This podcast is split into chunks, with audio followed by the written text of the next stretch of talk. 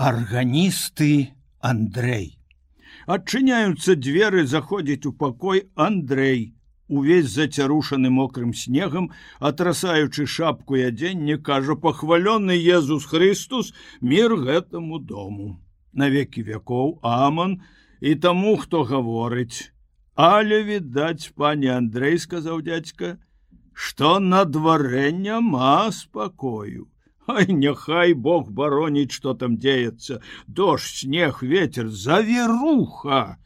Едучы праз лес яшчэ паўбяды было. Але як выехаў у поле, згубіў дарогу і загінуў бы, пэўна, калі б не ўбачыў таго ліхтара, што свеціць цяпер над брамаю пана завальні.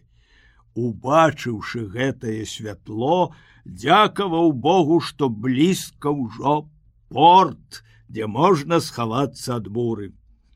Я удзячны, што не забываеш пра мяне, сказаў дядзька, і не зімовая дарога. Хутка прыйдзе той час, калі буду жыць тут як пустэльнік, рэдка хто мяне адведае.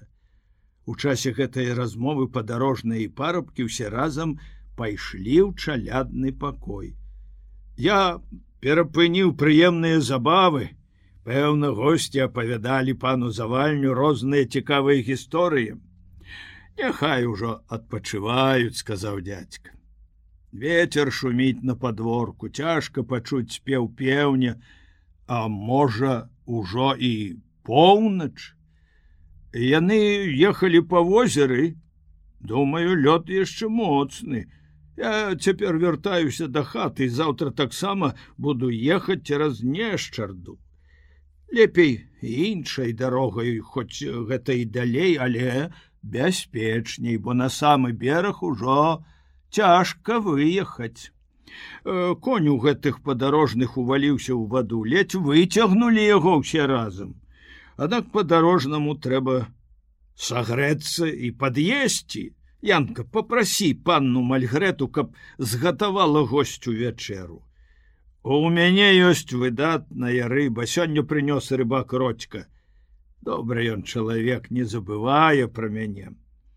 Я чуў нібыта родька чараўнік. Про гэта такая гісторыя ходзіць між людзьмі. Недалёка ад гарадзецкай гары, дзе рэчка ўпадае ў возерам, Родька часто перад захадам сонца закідваў нерад і заўсёды з поўным чоўнам рыбы вяртаўся да хаты. Адзін рыбак, які жыў там недалёка, пазайздросціў ягонаму шчасцю, паскардзіўся, што родька ловіць рыбу ў чужой частцы возера. І такім чынам забараніў яму плаваць блізка каля тых берагоў. Родька прыгразіў, что пакарае зайздросніка так что той не толькі ніякае карысці ад возера мець не будзе але і такое убачыць страхотце что да веку не забудзе. Так і выйшла той рыбак пасля захаду сонца у ціхае яснае надвор'е выплыў на возера і закінуў нерад цягне яго з вады цешыцца і думае што злавіў добрую чараду ляшчоў І тут бачыць у нераце жахлівых пачвар. Велізарныя галовы вогненныя вочы спіскам і крыкам б'юць скуранымі крыламі па вадзе, а некаторыя ўзляцелі ў паветра і лётаюць над яго галавой. Задрыжаў рыбак, валасы здыбіліся, крычаў як вар'ят. Пэўна, выпаў бы з чоўнай патануў але суседзі пачуўшы пранізлівы крык паспяшалі яму на ратунак. Не вер пане Андрей таким плёткам. Гэта відавочная хлусня. Родька добрый пабожны чалавек. Я маю пэўныя доказы. Ён новым нератам не пачне лавіць рыбу аж пакуль ксён свянцоною вадою не пакрэпіць у святы дзень заўсёды бывае ў касцёле у гарбачове і ў расонах калі адбываліся набажэнствы падчас юбілею родька як найлепей сябе паводзіў і быў на святой споведзі акрамя таго вядома ўсім як ён не любіць асташоў якія выкарыстоўваюць бязбожныя чары ў сваім рамястве. Пасля дядзька апавядаў пра дачыненне асташоў са злым духам і пра ўсё тое, што чуў пра іх ад родзькі. Пакуль скончылася размова, сабралі на стол. Павячэраўшы, Андрей сказаў: « Дякуючы гаспадару за гасціннасць перад сном добра было б расказаць што-небудзь цікавае. Але тым часам, ну, а нічога мне на памяць не прыходзіць. Дык ахвярую пану кніжку, цікавейшую і карыснейшую за ўсе апавяданні. Это віленскі каляндар. На гэты 1817 год. Тут прачытаеш шмат разумных рэчаў, карысных і цікавых. Тут ёсць парады гаспадару, тут сакрэты, якіх пэўна яшчэ пан завальня не ведае. Напрыклад, як ахаваць капусту ад вусеняў, як бяліць палатно, як гадаваць свойскіх птушак і як гатаваць воцат, як палепшыць розныя садовыя дрэвы, апрача таго ёсць тут загадкі показкі і апавяданні. Ах, вялікі дзякуй. Гаспадару гэтая рэч вельмі патрэбная.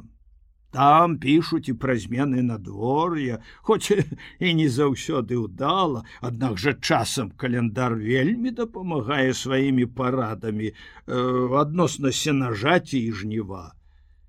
Але расскажы пане Андрей што значаць гэтыя фігурки бык леў рак паненка шалі блізняты заўсёды сустракаю іх у календарах, а не разумею, навошта яны тут патрэбныя.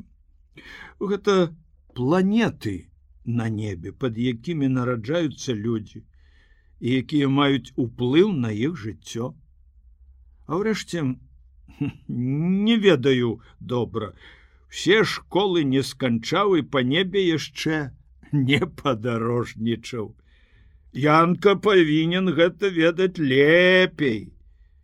У гэтым годзе будзе зацьменне сонца, сказаў дядька, чытаючы календар далей. Засьменні сонца людзі прадказваюць, адказаў Андрей, але не могуць прадказаць тое зацьменне, якое можа акунуць іх сэрцы ў смутак. У нас ці то ў цябе, ёсць нейкія непрыемныя весткі спытаў дядька вельмі непрыемную вестку пачуў ад ксяндза пракуратора сумная вестка але мушу паведаміць пану завальню. Дай Божа каб яна не спраўдзілася і нешта сказаў по сакрэту Бачу смутак на дядзькавым твары перапынілася размова доўга ён сядзеў апанаваны нейкімі думкамі, нарэшце прамовіў. Час ужо і спаць. Можа, прысніцца што-небудзь лепшае. Ужо, пэўна, поўнач мінулася. Прынеслі ложак у пакой, Андрей стомленай дарогаю хутка заснуў, дядька даўжэй, чым звычайна шаптаў вечэрнія малітвы і патушыў агонь перад світаннем. Калі певень заспяваў другі раз.